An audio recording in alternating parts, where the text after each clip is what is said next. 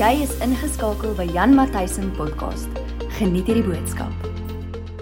Vandag se tema is Rise Up Champion. Rise Up Champion. Is is waar ek wil gesels en en ek wil regtig deel wat die Heilige Gees met my gedeel het in hierdie week, eintlik die laaste 2 weke het ek regtig ervaar die Heilige Gees vir my 'n profetiese beeld kom gee en profeties met my kom gesels het rondom twee figure in die Bybel wat hy besig is om wakker te maak binne in ons as 'n familie en wat hy graag wil gebruik in hierdie wêreld juis vir waar ons nou is in hierdie wêreld. Maar kan ek dalk net eers sê familie, ons het nou net gepraat oor saam met wie stem jy? Saam met wie agree jy? En ehm um, daar's daar's baie gerugte weer van 'n van 'n derde wave en baie mense is is op 'n plek waar hulle ongelooflik vreesagtig is rondom wat daar gaan gebeur want daar's al klaar gerugte dat dat hy gaan erger wees selfs as die as die tweede wave. Mag ons as gelowiges altyd reageer uit liefde uit en nooit as gevolg van vrees nie. Altyd uit liefde uit. En mag ons weet wat in ons Vader se hart is. Ek wil julle herinner aan die feit dat Paulus vir ons gesê het dat die sterfte is 'n wins. Die sterfte is 'n wins. Wil julle herinner aan die feit dat hy gesê het hy weet nie eers wat hy sal kies nie. Hy het 'n verlange om na Jesus toe te gaan, maar vir hulle ontwil sal hy graag hier op die aarde ook wil bly. Mag ons mag ons harte op so 'n plek wees waar ons nooit 'n tweestryd het rondom die dood nie, mag ons nooit bang is vir die dood nie, maar dat ons weet dat ons as Christene het altyd oorwinning. Maar God se dank wat ons altyd laat triomfeer. Paulus skryf dit in 1 Korintiërs, het jy dit geweet? Maar God se dank wat ons altyd laat triomfeer. Sê gou saam met my altyd. Weet julle wat se Griekse woord daar vir altyd? Altyd. Maar God se dank wat ons altyd laat triomfeer. En hier's die ding. As jy nie hier triomfeer nie, triomfeer jy in die hiernamaals. Jy triomfeer. Triomfeer gaan jy triomfeer. Niks gaan jou oorwin nie. En ek ek hou nie daarvan as mense die mindset het van 'n uh, 'n siekte wat 'n uh, 'n Christen of 'n gelowige oorwin het nie. Niks het jou oorwin nie. Niks nie. As ons as ons vir jou bid en jy word genees, dan het jy daai siekte oorwin. Prys die Here. As ons vir jou bid en jy word nie genees nie en jy gaan dood as gevolg van die siekte, het daai siekte jou nie oorwin nie. Jy het steeds daai siekte oorwin, want jy het opgestaan in die hiernamaals en jy kyk vas in ons koning se oë vas en die oomblik wanneer jy daar is, is jy sonder gebrek, sonder siekte, sonder vlek, sonder enige iets in hierdie wêreld. Dit maak dat ons 'n hoop het soos wat geen ander mens kan hê nie. Ons wen altyd. Dis ons geloof. En ek ek weet nie hoekom nie, dit was nie deel van my preek nie. Ek het net gevoel ek moet dit sê. So dadelik het gesê. Goed, ek wil begin met twee skrifgedeeltes sodat julle as inleiding sodat julle die hart kan verstaan rondom rondom wat in Vader se hart aangaan want ek voel regtig dat vanoggend se boodskap ek voel regtig dat dit vloei uit Vader se hart uit en uit uit iets uit wat hy vir ons wil wil sê. En daar's twee gedeeltes wat ek gou vir ons wil lees, twee skrifgedeeltes. Die eerste is in eerste een is in Lukas 19 vers 41 En die tweede een wat ek gaan lees is Handelinge 17 vers 16. In Lukas 19 vers 41 het jy geweet dat daar is net twee gedeeltes in die Bybel waar die Bybel praat of reference van die feit dat Jesus gehuil het. Net twee gedeeltes. Die een gedeelte is hier, Lukas 19 vers 41 en die ander gedeelte is in Johannes 11 waar Jesus by die uh, graf staan van Lazarus. Daar het Jesus ook ge, geween, gehuil. Daar's twee gedeeltes in die Bybel. Wie van julle weet dat die oomblik wanneer God huil oor 'n saak dat ons moet aandag gee? Oor dit. Hallo? Dis vir hom belangrik dan. Waaruit vloei vloei trane? Vloei uit emosies uit. Waaruit vloei emosies? Uit iets wat gemaak het dat daar 'n emosie, 'n reaksie uit om 'n emosie uit is. Net so iets het gebeur, dan is daar reaksie op emosie en die huil is eintlik die vrug op die emosie kan ek dit so so verduidelik. En hier's Jesus. In Lukas 19 is die gedeelte waar hy sy disippels stuur om vir hom 'n esel te kry, 'n donkie te kry en waar hy op hierdie donkie klim en hulle sit hulle klere en hulle palmtakke en al hierdie goedjies voor die donkie uitsit om sodat hy in Jerusalem in in kan ry. Wil net die volgende sê. Jesus het die reg om eendag op die witperd te kom omdat hy die reg gehad het om op 'n donkie te ry. van 'n donkie na 'n wit perd. Dis hoe God hom gepromote het. Sy gehoorsaamheid, sy nederigheid. En hier's Jesus. Hy kom wat ons noem Palm Sondag. Die mense vier en sing Hosanna vir die verkeerde redes. Ek weet nie of jy dit weet nie. En hy kom op hierdie donkie bo op die berg en terwyl hy bo op die berg is, kyk hy af na Jerusalem en die oomblik toe hy vir Jerusalem sien, Hoor wat gebeur in vers 41. En toe hy naby kom en die stad sien, het hy daaroor geween. Het hy daaroor geween. Jesus kom op, hy sien die stad en ewe skielik ween hy. Weet jy hoe belangrik moes dit vir Jesus gewees het om hierdie stad te sien, hierdie uitverkore volk, hierdie nasie wat hy wou gebruik het om die hele wêreld te kan te kan hom hy wou die nasie gebruik het om die hele wêreld tentoon te stel wie hy is, né? Nee? um, om vir die hele wêreld te wys wie wie hy as Vader is. Dis hoekom hy vir Israel gekies het. En hy kom op en hy sien Jerusalem en hy dink aan die planne wat hy het vir hierdie stad en hy dink hoe lief hy is vir hierdie mense en hy dink aan die feit dat hy as God hulle almal gemaak het en hy as God na hulle toe gekom het en hulle hom nie eers ken nie en hy dink aan al die goed wat hierna gaan gebeur met Jerusalem en ewe skielik word hy bewoe en hy ween oor die stad. Jesus. Wow. Weet hy as God het nie dit net gelos en gesê ag hulle wil my nie dien nie. Hulle gee nie ag op my nie. Ag fyn okay. Ek sal iemand anders kies. Hy het geween daaroor. Dit was naby aan sy hart. Op 'n stadium kom Paulus in Handelinge.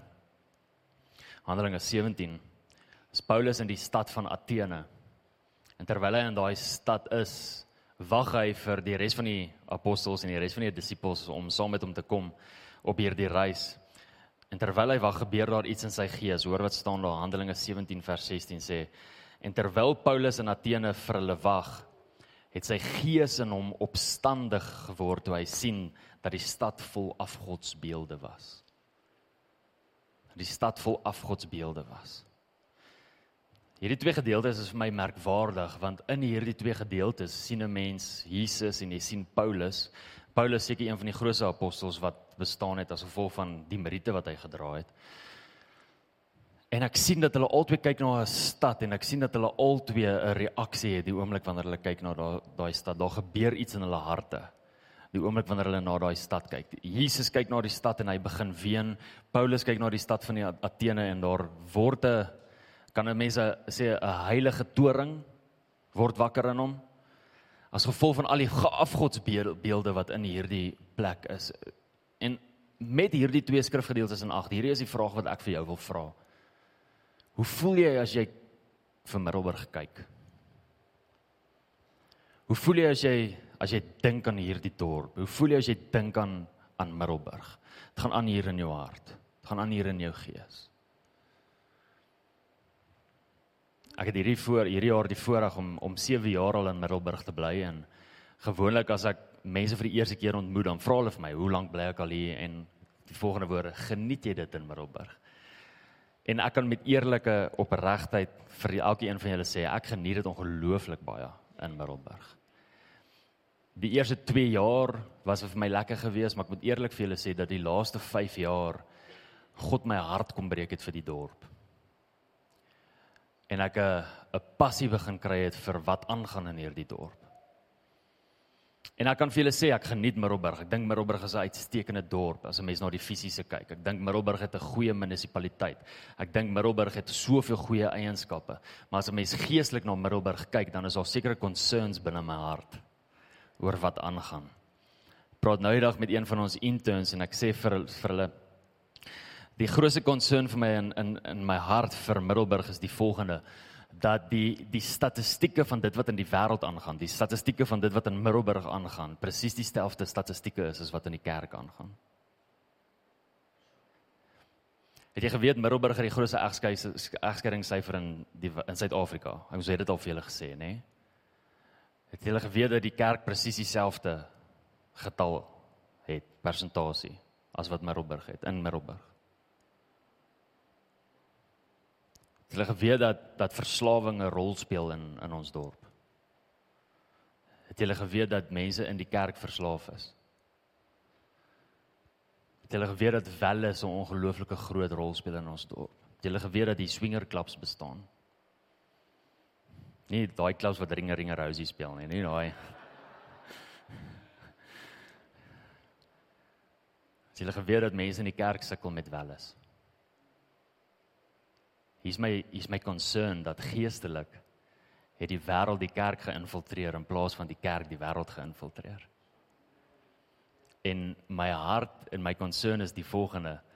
Um hierdie hierdie raak Jesus se hart. Hierdie raak Jesus se hart. Jesus is besorgd oor dit. Maar Jesus het het 'n strategie vir dit. Weet julle dat daar niemand so intentioneel is soos Jesus nie? Niemand niemand is so intentioneel soos hy nie. Jy geweet dat voor die grondlegging van die aarde het God al klaar Jesus se kruisiging beplan? Wat het wat beteken dit? Dit beteken dat God nie gewag het vir Adam en Eva om te sondig en toe gesê het: "O God, ek gaan my seun moet stuur nie." Nee, God het van die grondlegging van die aarde, voordat hy alles geskaap het, het hy geweet. Hy so Genesis sê laat ons, nê? Nee? So kom ek skep hier die beeld.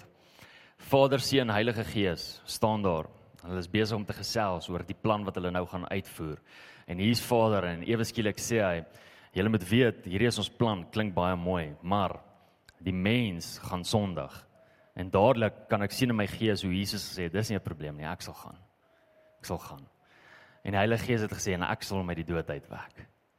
Dis dis oké. Okay. So voor die tyd het hulle plan gehad en toe Genesis 1 toe loop hy op op die toe die gees op die aarde geloop, op die waters geloop. Toe. Voor die grondlegging van die aarde het God al 'n plan gehad. Is daar enige iemand wat meer intentioneel is as God? Nee. Het jy geweet dat elke keer elke keer as daar 'n reus opstaan dat God klaar iemand voorberei het om daai reus te verslaan? En hierdie is wat ek wat ek ervaar die Here vir my sê. Eerstens, dit is so belangrik vir ons om te dra wat in God se hart is. Ons is 'n familie. Ons as 'n kruisgenerasie is geroep om te dra wat in God se hart is. Dis hoekom hy ons geroep het om 'n huis van gebed te wees. Ons is nie veronderstel om net ons tyd vol te maak om te bid nie. Dis nie waar dit gaan nie. Get baie baie baie pastore sal vir my sê Jan, daar's soveel beter goed wat jy kan doen. Daar's soveel goed wat jy in jou program in kan sit vir die mense en om die mense betrokke te kry. Hoekom gebed? Want dis wat in Vader se hart is. Ons doen dit nie net om die tyd vol te maak nie. Ons doen dit omdat hy wil hê ons moet dit doen want ons iets in sy hart wat hy wil hê ons moet mee partner sodat in vervulling sal kom. Dis hoekom ons dit doen. Ons is 'n huis van gebed. Corey Russell was altyd daar by die by IOP gewees in Kansas City. Hy's nou by Upper Room en hy sê 'n amazing amazing ding. Hy sê worship is agreeing with who God is. Worship is agreeing with who God is. Intercession is agreeing with what He has said. Worship is agreeing with who God is. Intercession is agreeing with what He has said. Met ander woorde, jou aanbidding, die oomblik wanneer jy hom aanbid, dan beteken dit dat jou alles binne in jou sien die feit, bevestig die feit dat hy koning is. Dis hoekom jy hom aanbid. As jy dit nie bevestig nie, gaan jy hom nie wil aanbid nie, want dan gaan jy dink hy's groter as hy. So die oomblik wanneer jy hom aanbid, is die verklaring wat jy outomaties maak, hy is groter as ek. Ek het nodig om hom te aanbid. Worship is agreeing with who he is. Intercession is agreeing with what he has said. Dis met ander woorde, God spreek vandag nog. Wie van julle weet dit? Wie van julle weet dat daar's 'n lering in die kerk wat sê God het klaar gepraat, hy praat nie meer nie. My pa het altyd vir my gesê, ek het klaar gepraat. Prys die Here, ons het nie so Vader nie. God praat vandag nog. En omdat hy vandag nog praat, het ons die voorreg om te luister na dit wat in sy hart is en te kan respond op dit. En dit is wat ons noem intersessie. Dit is hoekom ons doen wat ons wat ons doen. En hierdie is wat ek ervaar. Daar's reëse in ons dorp. Ek dink nie een van ons kan daarmee stry nie. Daar's reëse in ons land. Daar's reëse in die wêreld. Ons kan nie daarmee stry nie. Maar ek ervaar in my gees hoe Heilige Gees om my toe gekom het en vir my gesê het, Jan, Vader is besig in hierdie tyd om Dawids en Gideons op te rig vir die tyd vir 'n tyd soos nou. En ek ervaar dat daar Dawids en Gideons is in hierdie huis wat Vader besig is om op te rig. En ek ervaar dat daar Dawids en Gideons is in die ander huise wat in hierdie wat in Middelburg is, die ander kerke wat God besig is om op te rig. En ek ervaar dat daar Dawids en Gideons is in Suid-Afrika wat God besig is om op te rig om teen hierdie reëse, teen hierdie omstandighede te kan opstaan in die gees. En dames, ek wil hê julle moet my hoor vandag. Die oomblik wanneer ek praat van van van Gideon, die oomblik wanneer ek praat van Dawid, praat ek nie van 'n geslag nie. Ek praat van dit wat hulle gedra het. Ek praat van wie hulle was. Ek praat van dit wat God deur hulle gedoen het. So die dames is ingesluit van dit wat God besig is om te doen. Julle weet dat ons as kerk is die bruid van Christus, né? Nee? Julle weet dit. Julle geweet ook geweet dat ons seuns van God genoem word. Ons het dit al baie vir julle geleer. Met ander woorde, ons as mans kan by die vrouens leer wat dit beteken om 'n bruid te wees. En julle as vrouens kan by ons leer wat dit beteken om 'n seun te wees. Ons het mekaar nodig. En die Gees van God sê, hy sê, hy sê vir my, ek ek wil die woorde gebruik wat wat Paulus vir Timoteus sê. And the Spirit expressly says dat hy besig is om Dawid en Gideon op te rig vir 'n tyd soos nou. Ek het gehoor hoe die Heilige Gees vir my sê, Die oomblik wanneer daar reëse in die land is, is dit die perfekte geleentheid vir die openbaarmaking van die oorwinnaars. Die openbaarmaking van die champions. Dis hoekom die titel Rise Up Champion. Want Dawid was 'n champion gewees en Gideon was 'n champion selfs al het Gideon dit nie geweet nie. En dis hoekom ek regtig ervaar in my gees hoekom hy praat van 'n Dawid en van 'n Gideon. Kyk, kom ek staan gestil by die twee en dan sal julle dalk bietjie meer sien. Hoekom so? Ek ervaar regtig dat Vader besig is intentioneel nou al om champions om oorwinnaars groot te maak, op te rig, voor te berei vir hulle openbaarmaking. Ek ek ervaar dat die Heilige Gees al lankal besig is om mense in ons familie bloot te stel aan sekere goeders deur sekere frustrasies te vat, deur sekere wrestlings te vat as voorbereiding vir die tyd wat hulle teen hierdie Goliat gaan beklei. Ek ervaar dit. Onthou julle toe Dawid by Saul kom en toe Saul by hom wil hoor, hoor maar, gaan jy hierdie ding kan doen en toe, wat was Dawid se antwoord? Hy sê vir Saul, ek het al die leeu en die beer verslaan. Met ander woorde, wat sê Dawid vir hom? Dawid sê vir hom ek het al ek het al training gekry in hierdie. Ek het al blootstelling gekry in hierdie. Daar was al voorbereiding vir my gewees vir hierdie. En ek ervaar hoe die Gees sê dat God al besig is om mense voor te berei in hierdie plek. Jy het gewonder hoekom sukkel jy met hierdie ding? Dis omdat God jou besig is om jou voor te berei. Jy het gewonder hoekom face jy ewe skielik hierdie ding? Jy het gewonder hoekom face jy weer hierdie ding wat jy 10 jaar terug, 20 jaar terug oorwin het? Hoekom nou weer? Dis omdat Vader besig is om jou voor te berei want ek weet dat's Dawids wat gaan opstaan in hierdie familie. Hm. Ek weet Dawid was gestuur gewees om broodjies te vat vir sy boeties. En hierdie is wat ek ervaar. Ek ervaar dat ek ervaar dat baie van ons familielede besig is met die mundane. Ek hou van daai Engelse woord mundane. Die die nietige goedjies, die goed wat hulle voel nie saak maak nie besig is om te serve op 'n plek wat hulle voel insignificant is. Maar ek ervaar hoe daai juis die plek is waar God jou wil hê vir die blootstelling vir die reus. Jy geweet dat as Dawid nie die broodjies gevat het nie, hy nooit die reus sou gesien het nie. So hierdie is wat ek vir jou wil sê, hou aan om die broodjies te dra. Hou aan om te serve waar jy veronderstel is om te serve. Hou aan om te doen wat jy veronderstel is om te doen. Anders gaan jy nie by die reus uitkom wat jy moet verslaan nie. Dawid moes eers die broodjies dra.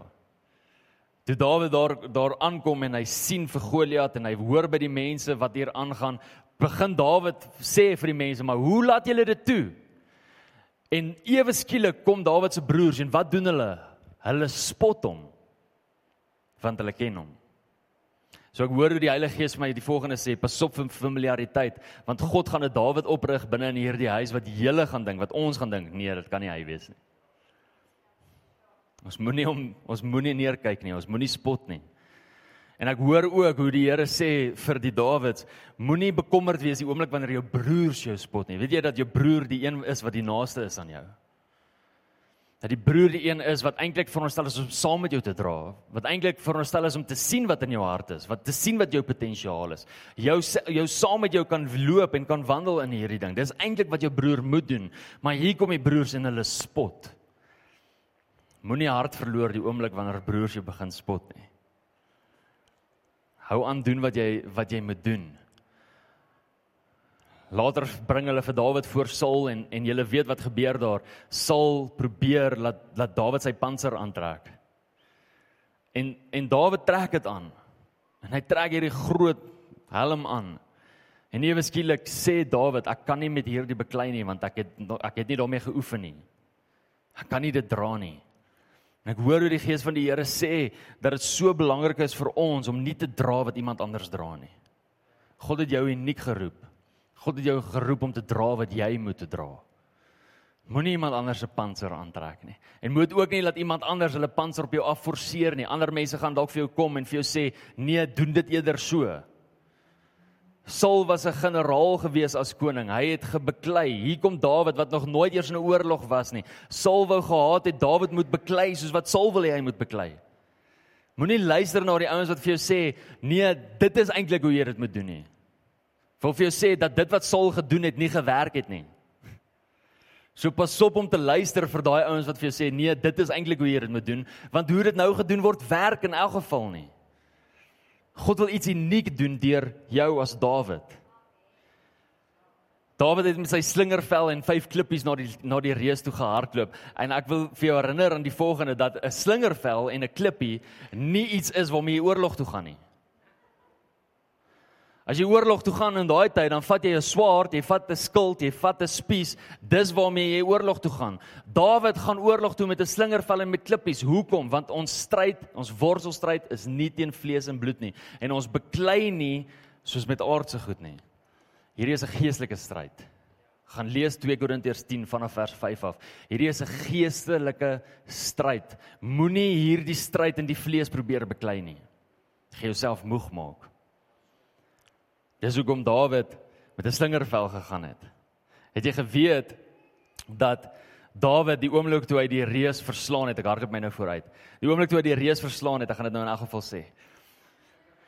Toe vat hy die reus se swaard om sy kop af te kap. Dit wat die, die dit wat die vyand besig is om op te rig teen jou is dit juis dit wat God gaan gebruik om die vyand mee te verslaan.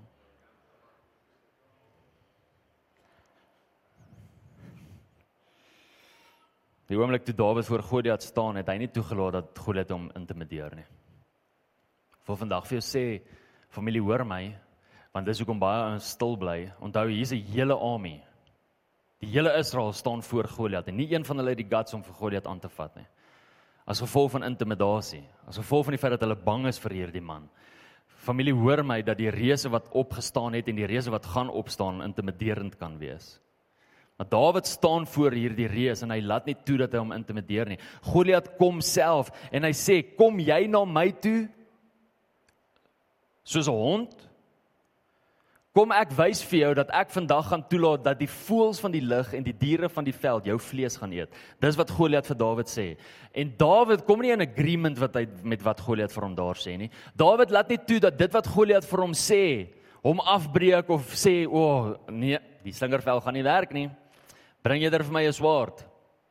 Hy laat nie toe dat hy sy strategie verander nie. Hy laat nie toe dat sy dit sy motief in sy hart verander nie. Hy laat nie toe dat dit sy voorbereiding waardeur hy gegaan het nullify nie. Nee, hy is op 'n plek waar hy nie respond teenoor dit wat die vyand sê nie. Ek wil vir jou vandag sê dat ek dink die kerk is waar die kerk is omdat ons te veel ag gee en te veel respond op dit wat die vyand sê. Ons is nie geroep om te respond op wat die vyand sê nie. Ons is geroep om te respond op dit wat ons Vader sê. Dis ons eerste roeping as kerk.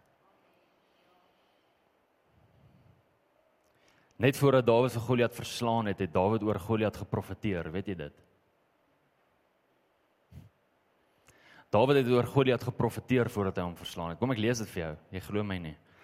1 Samuel 17 vers 45 tot 47, hoor gee. Maar Dawid sê vir die Filistyn: Jy kom na my toe met 'n swaard en met 'n spies en met 'n lans, maar ek kom na jou toe in die naam van die Here. Want hoekom? Stryd is nie teen vlees en bloed nie. Die God van die slagordes van Israel wat jy uitgedaag het. So luister reus, jy het opgestaan, maar jy het nie teen my opgestaan nie, jy het teen God opgestaan. Dis hoekom ek na jou toe kom. Vers 46: Vandag sal die Here jou in my hand oorlewer. Hoor jy wat sê hy? Is die oorlewering daar? Hoor wat sê hy? Vandag sal die Here jou in my hand oorlewer. Wat doen Dawid? Hy profeteer oor wat nou gaan gebeur. Hy sê presies vir hom wat nou gaan gebeur. Luister hier, dis dis nodig vir ons as kerk om presies vir die vyand te sê wat wat met hom gaan gebeur. Hierdie Goliat wat opstaan, hierdie reuse wat opstaan, dis nodig vir ons om proklamasies te maak en te sê wat gaan gebeur met hierdie ding wat maak dat ons ekonomie ten gronde gaan. Wat maak dat mense in Middelburg hulle werke verloor? Wat maak dat mense familielede verloor in ons dorp? Wat maak dat egskeidings gebeur? Wat maak dat kinders nie die Here ken nie en nie groot word in huise waar die Here gevrees moet word nie? Wat gaan gebeur met hierdie reëse wat hierdie goed veroorsaak? Dit is belangrik vir ons om dit te profeteer, soos wat Dawid hierdie geprofeteer het. Vandag sal die Here jou in my hand oorlewer dat ek jou kan verslaan en jou hoof van jou wegneem. Hy het klaar geweet hy gaan Goliat se kop se swaard vat en sy kop afkap. Hy het nie eers 'n swaard gehad nie. Hy het dit geprofeteer. En die lyke van die leer van die Filistyne vandag aan die voëls van die hemel en die wilde diere van die aarde kan gee, sodat die hele aarde kan weet dat Israel 'n God het. Hoekom doen hy hierdie? Dat almal na Dawid kan kyk?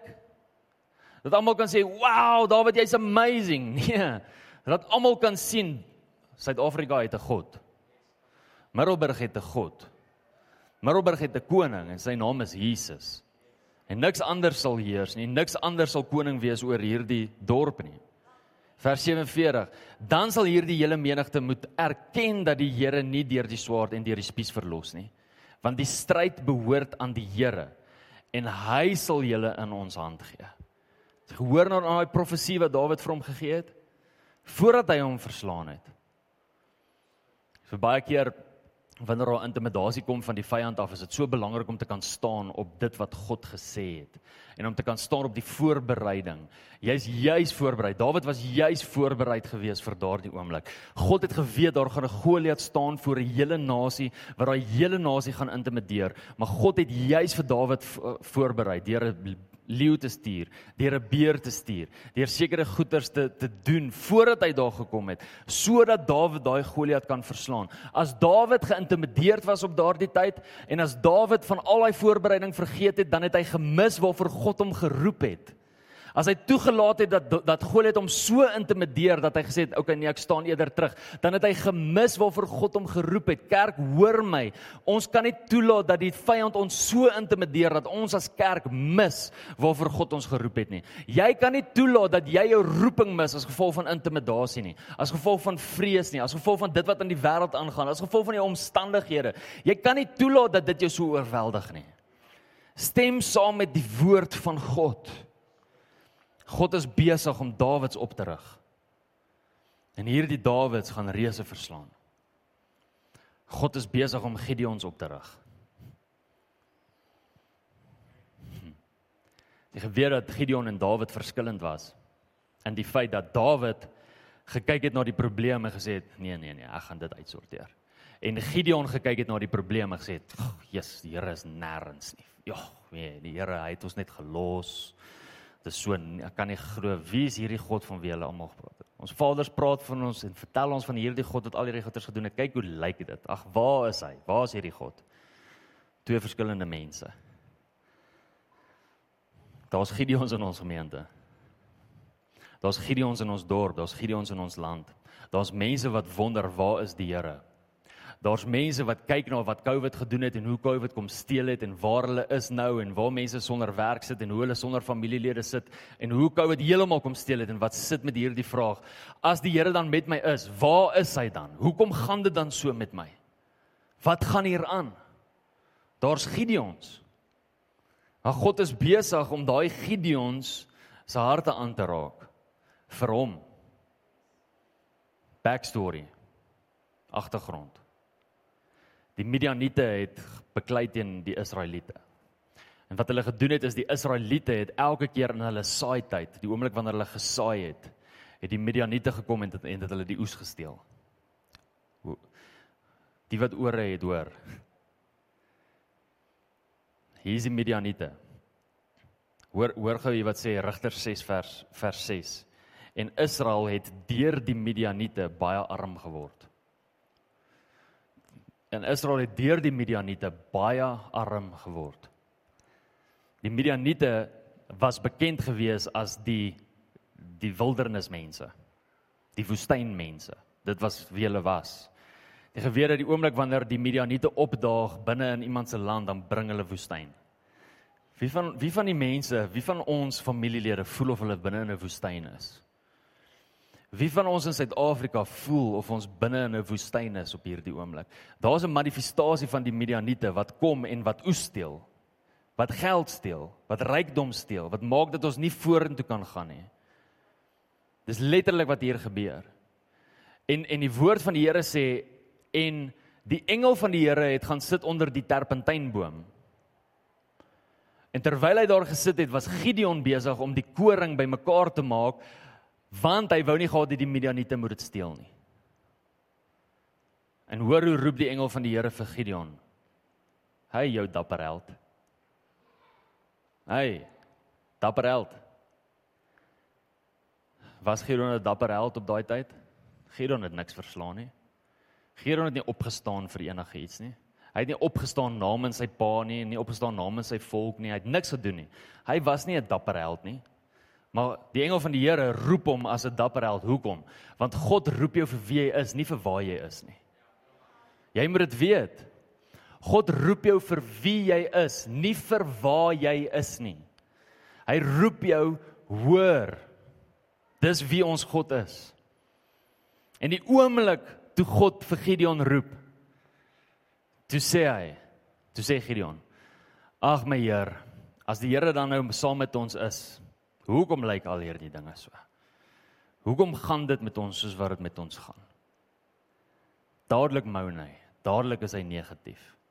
Dadelik maak hy dat die getuienis van dit wat sy vaders gespreek het hom eintlik frustreer in plaas van hoop gee. Dis 'n gevaarlike plek. Dis 'n gevaarlike plek as ons al daai getuieniskaartjies daar afval en ons lees vele van dit wat die Here gedoen het en dit bring frustrasie in jou hart. En jy dink by jouself, ag, waar is daai God? Dis 'n gevaarlike plek. Ons is nie veronderstel om so te reageer nie. Gideon weet van alles wat God gedoen het vir sy want sy voorgeslag het vir hom vertel. Maar selfs sy voorgeslag is op 'n plek waar hulle dit nie eers meer glo nie want daar lê Baal altaars in hulle huis, soos wat julle nou nou, nou gaan sien. Gideon is deur Vader geroep in die tyd wat hy negatief is. Hy roep hom as 'n dapper held. Vir vandag vir jou sê daar's mense in ons gemeente, daar's mense in ons dorp, daar's mense in Suid-Afrika wat negatief is as gevolg van waar hulle is. God roep jou. En hoor wat roep hy oor jou, dapper held. Staan op. Staan op. Gideon word deur Vader gestuur deel die deur die volgende woorde, hoor hierso. In in Rigter 6 vers 14. Ek wil gou eers vir julle die B gedeelte van vers 13 lees. Vers 13 sê hy: "Maar nou het die Here ons verwerp en oorgegee in die hand van die Midianiete." Dis wat Gideon sê. Hoor Gideon se realiteit. God het my verwerp en hy het my oorgegee aan die vyand. Familie, ons kan hoe heilig en hoe geestelik probeer wees. Daar's mense wat so voel. God het my verwerp. En hy het my oorgegee aan COVID. Hy het my oorgegee aan hierdie siekte. Hy het my oorgegee aan al hierdie goeters. Mense voel so. En hoor wat sê God vir hom. Hoor wat hoor hoe antwoord die engel van die Here. Hy sê: "Toe draai die Here na hom toe en sê: Dis vir my so mooi, want hy't klaar besig met hom te praat, maar die skrif sê toe draai die Here na hom toe. Met ander woorde, God was ernstig op dit wat hy nou gesê het. En hoor wat sê hy: "Gaan in hierdie krag van jou en verlos Israel." Hæ? Huh? Hy moan. Gaan in hierdie krag van jou, gaan verlos Israel. Maar hy moan dan, Here. Moet hy almounend gaan en is moet almounend. Laat my net dink aan ek het 'n pastoor Kobus van Wyk, ek weet nie of julle hom ken nie. Het 'n uh, een keer 'n storie vertel van 'n koei wat hy Mouna genoem het. En toe het hy gesê hierdie koei laat hom dink aan mense in die gemeente wat moan die hele tyd. Moan, heeltyd moan. Toe het hy die hele tyd met die koei geloop en die koei Mouna genoem. My in elk geval Side track. Ek's jammer, ek het nou in 'n rabbit hole afgegaan. Gideon moan. Maar die Here roep hom en hy sê vir hom: "Gaan in hierdie krag van jou." Wat sê God vir hom? Hy sê: "Gideon, al die effort, al die energie, al die krag wat jy insit om negatief te wees, gebruik dit en wees positief en gaan ver, verlos my volk." Vir vandag vir jou sê mense wat negatief is en mense wat baie het om te sê, is nie ouens wat gestagneer het nie. Dis ouens wat momentum het in die verkeerde rigting. Gideon het momentum gehad, maar in die verkeerde rigting. Nie volgens God se plan nie. Nie volgens dit wat in Vader se hart is nie, maar hy het nog steeds momentum gehad. Onthou julle daai storie van wat pastoor Nier vertel het altyd van die vleenier wat die loods wat vir die mense gesê het ek het vir julle goeie nuus en slegte nuus. Die goeie nuus is of die slegte nuus is ons het verdwaal. Maar die goeie nuus is ons maak goeie vordering. Onthou julle dit? Pastoor Nier se favourite storie gewees. Hy het dit oor en oor en oor vertel. Nou mis ek hom somme. Nou weet ek nie eens hoekom het ek dit gesê nie. O. So Gideon het momentum gehad, maar in die verkeerde rigting in. En hier kom die engel van die Here na hom toe en hy sê vir hom Gideon, gaan in hierdie krag van jou, met ander woorde, gaan in die momentum wat jy nou het, maar gaan verlos my land. Jy hoef nie meer effort in te sit as wat jy nou insit nie. Gaan in dieselfde effort as wat jy het. Mense, party mense sit effort in hulle moaning in, hoor? In hulle negativiteit en hulle sit effort daarin. Dit vat effort om so negatief te bly. Dis nie net van jy bly so nie. En, en en hier kom die Here en hy sê luister mooi, ek praat nou met jou Gideon, jy wat so moan, jy wat so negatief is. Hoor wat sê die Here. Hou op om jou effer daarin te sit. Gaan verlos my volk. Doen iets aan die probleem. Doen iets aan dit waarvoor ek vir jou geroep het. Kom doen wat in my hart is. Dit is wat God Gideon voor voorroep. En weer eens Gideon het nie gedink hy is goed genoeg nie. Gideon het hom nie hy het nie gedink hy's goed genoeg nie. Maar die Here het vir hom gesê hy's goed genoeg deur vir hom te sê, nie vir hom te sê, nee, jy is goed genoeg nie. Nee nee, deur vir hom te sê ek is saam met jou. Weet jy wat 'n mind shift is dit? Kan ek net vir jou die volgende sê, jy sal nooit goed genoeg wees nie. Moenie wag tot jy goed genoeg is nie want dit gaan nie gebeur nie. Jy val elke keer kort. Nie een van ons is goed genoeg nie. Ons doen wat ons doen omdat die Here saam met ons is, nie omdat ons goed genoeg is nie. Dis so belangrik om te weet. So die Here sê vir hom Gideon, ek is saam met jou. Gaan. En dan die laaste ding wat Gideon moes doen is die volgende. Die Here sê vir Gideon, Gideon, daai baalaltaar wat in jou pa se huis is, gaan breek dit af.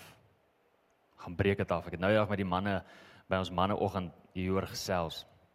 En ek het vir hulle gesê, manne, dit is so belangrik om daai altaars wat jou pa opgebou het in jou lewe wat jy nou nog steeds volgens lewe, wat nou nog 'n invloed het in jou lewe, wat nou nog 'n optrede veroorsaak in jou lewe. Dis belangrik om daai goed af te breek sodat God jou kan gebruik. Moenie vashou aan daai goed nie. Breek dit af. Ek sukkel met woede want my pa het met woede gesukkel, gesukkel. Breek dit af.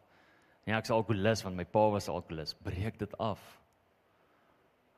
Breek dit goed af breek af daai altare, breek af daai af afgode. Breek dit af. God wil jou gebruik. Ek glo met my hele hart dat Vader besig is om Dawids en Gideons wakker te maak in ons familie en in ons dorp en in ons land om op te kan staan teenoor dit wat aangaan in ons land op hierdie stadium. En dit is so belangrik, hoor my mooi, want jy gaan nie dink jy is daai Dawid of jy is daai Gideon nie. So ek wil met jou gees praat luister na die stem van die Here. Luister na die stem van die Here. En reageer wanneer hy jou roep en wanneer hy vir jou sê om iets te doen. Want dit is tyd vir die kerk om op te staan. Die kerk kan nie meer lê nie. Die kerk die, die kerk kan nie meer stil bly nie. Die kerk kan nie op 'n plek wees waar ons agree met dit wat die vyand sê of glo dit wat die vyand sê bo dit wat God se woord sê nie. Dit is volbring. Daai woorde ekhou nog steeds. Dit is volbring. Kom ek bid vir ons. Vader. Here, ek weet dat U hierdie woord geopenbaar het. Ek weet dat U hierdie woord gegee het. Ek weet dat hierdie in U hart is vir die Dawids en vir die Gideons om op te staan. So hierdie is my gebed, rise up champions. Rise up in the name of Jesus. Vader, ek bid dat die Dawids en die Gideons sal opstaan en dis nie 'n geslag nie, dis nie net manne nie. Ons praat van manne en vrouens. Vader, mag die Dawids en die Gideons opstaan want daar's reëse in ons land. Here, U is al lankal besig om hulle voor te berei. U is al lankal besig om in hulle harte te werk. U is al lankal besig dat sekere goeders in hulle lewens gebeur. U is al lankal vir hulle gestuur met broodjies. En ek bid dat hulle sal faithful wees in dit wat U vir hulle gegee het. En ek bid dat ons 'n mindshift sal maak as ons Gideons is om al ons energie wat ons in negativiteit insit om te draai na positiwiteit toe, sodat ons kan keer dit wat gesteel word van hierdie land af, Here, in die naam van Jesus, dat die dit wat die media nie te doen nie sal manifesteer in ons in ons land nie dat die land se ekonomie sal sterk staan, dat Middelburg se ekonomie sal sterk staan, dat die woestyn ding tydperk, die woestyn mense se vrug nie sal manifesteer oor hierdie land nie, Here. Ons verklaar dit in Jesus naam. En ons verklaar dat die Dawids en die Gideon sal opstaan op u woord en dat hulle sal doen wat in u woord is, Here, wat in u hart is. Nie volgens wat hulle dink nie, nie volgens wat sig begeertes hulle het nie, volgens dit wat in u hart is. So ek bid nou dat u ore sal oopmaak sodat hulle kan hoor in die naam van Jesus. Ek bid dat u Gees nou met harte sal praat. Ek bid dat u Gees nou dit sal wakker maak in mense se lewens in die naam van Jesus. En of hulle Dawids is en of hulle Gideons is, dat hulle sal reageer op dit wat u sê, Here. Op dit wat u woord is. Maak dit los in ons gemeente, Here. Mag U ons as 'n gemeente gebruik as 'n kruisgenerasie, as 'n generasie wat uitroep na ons God toe, uitroep na ons bruidegom toe en wat u woord letterlik opneem. Ons staan op u woord, Here. Ons kom nie in agreement met leuns nie.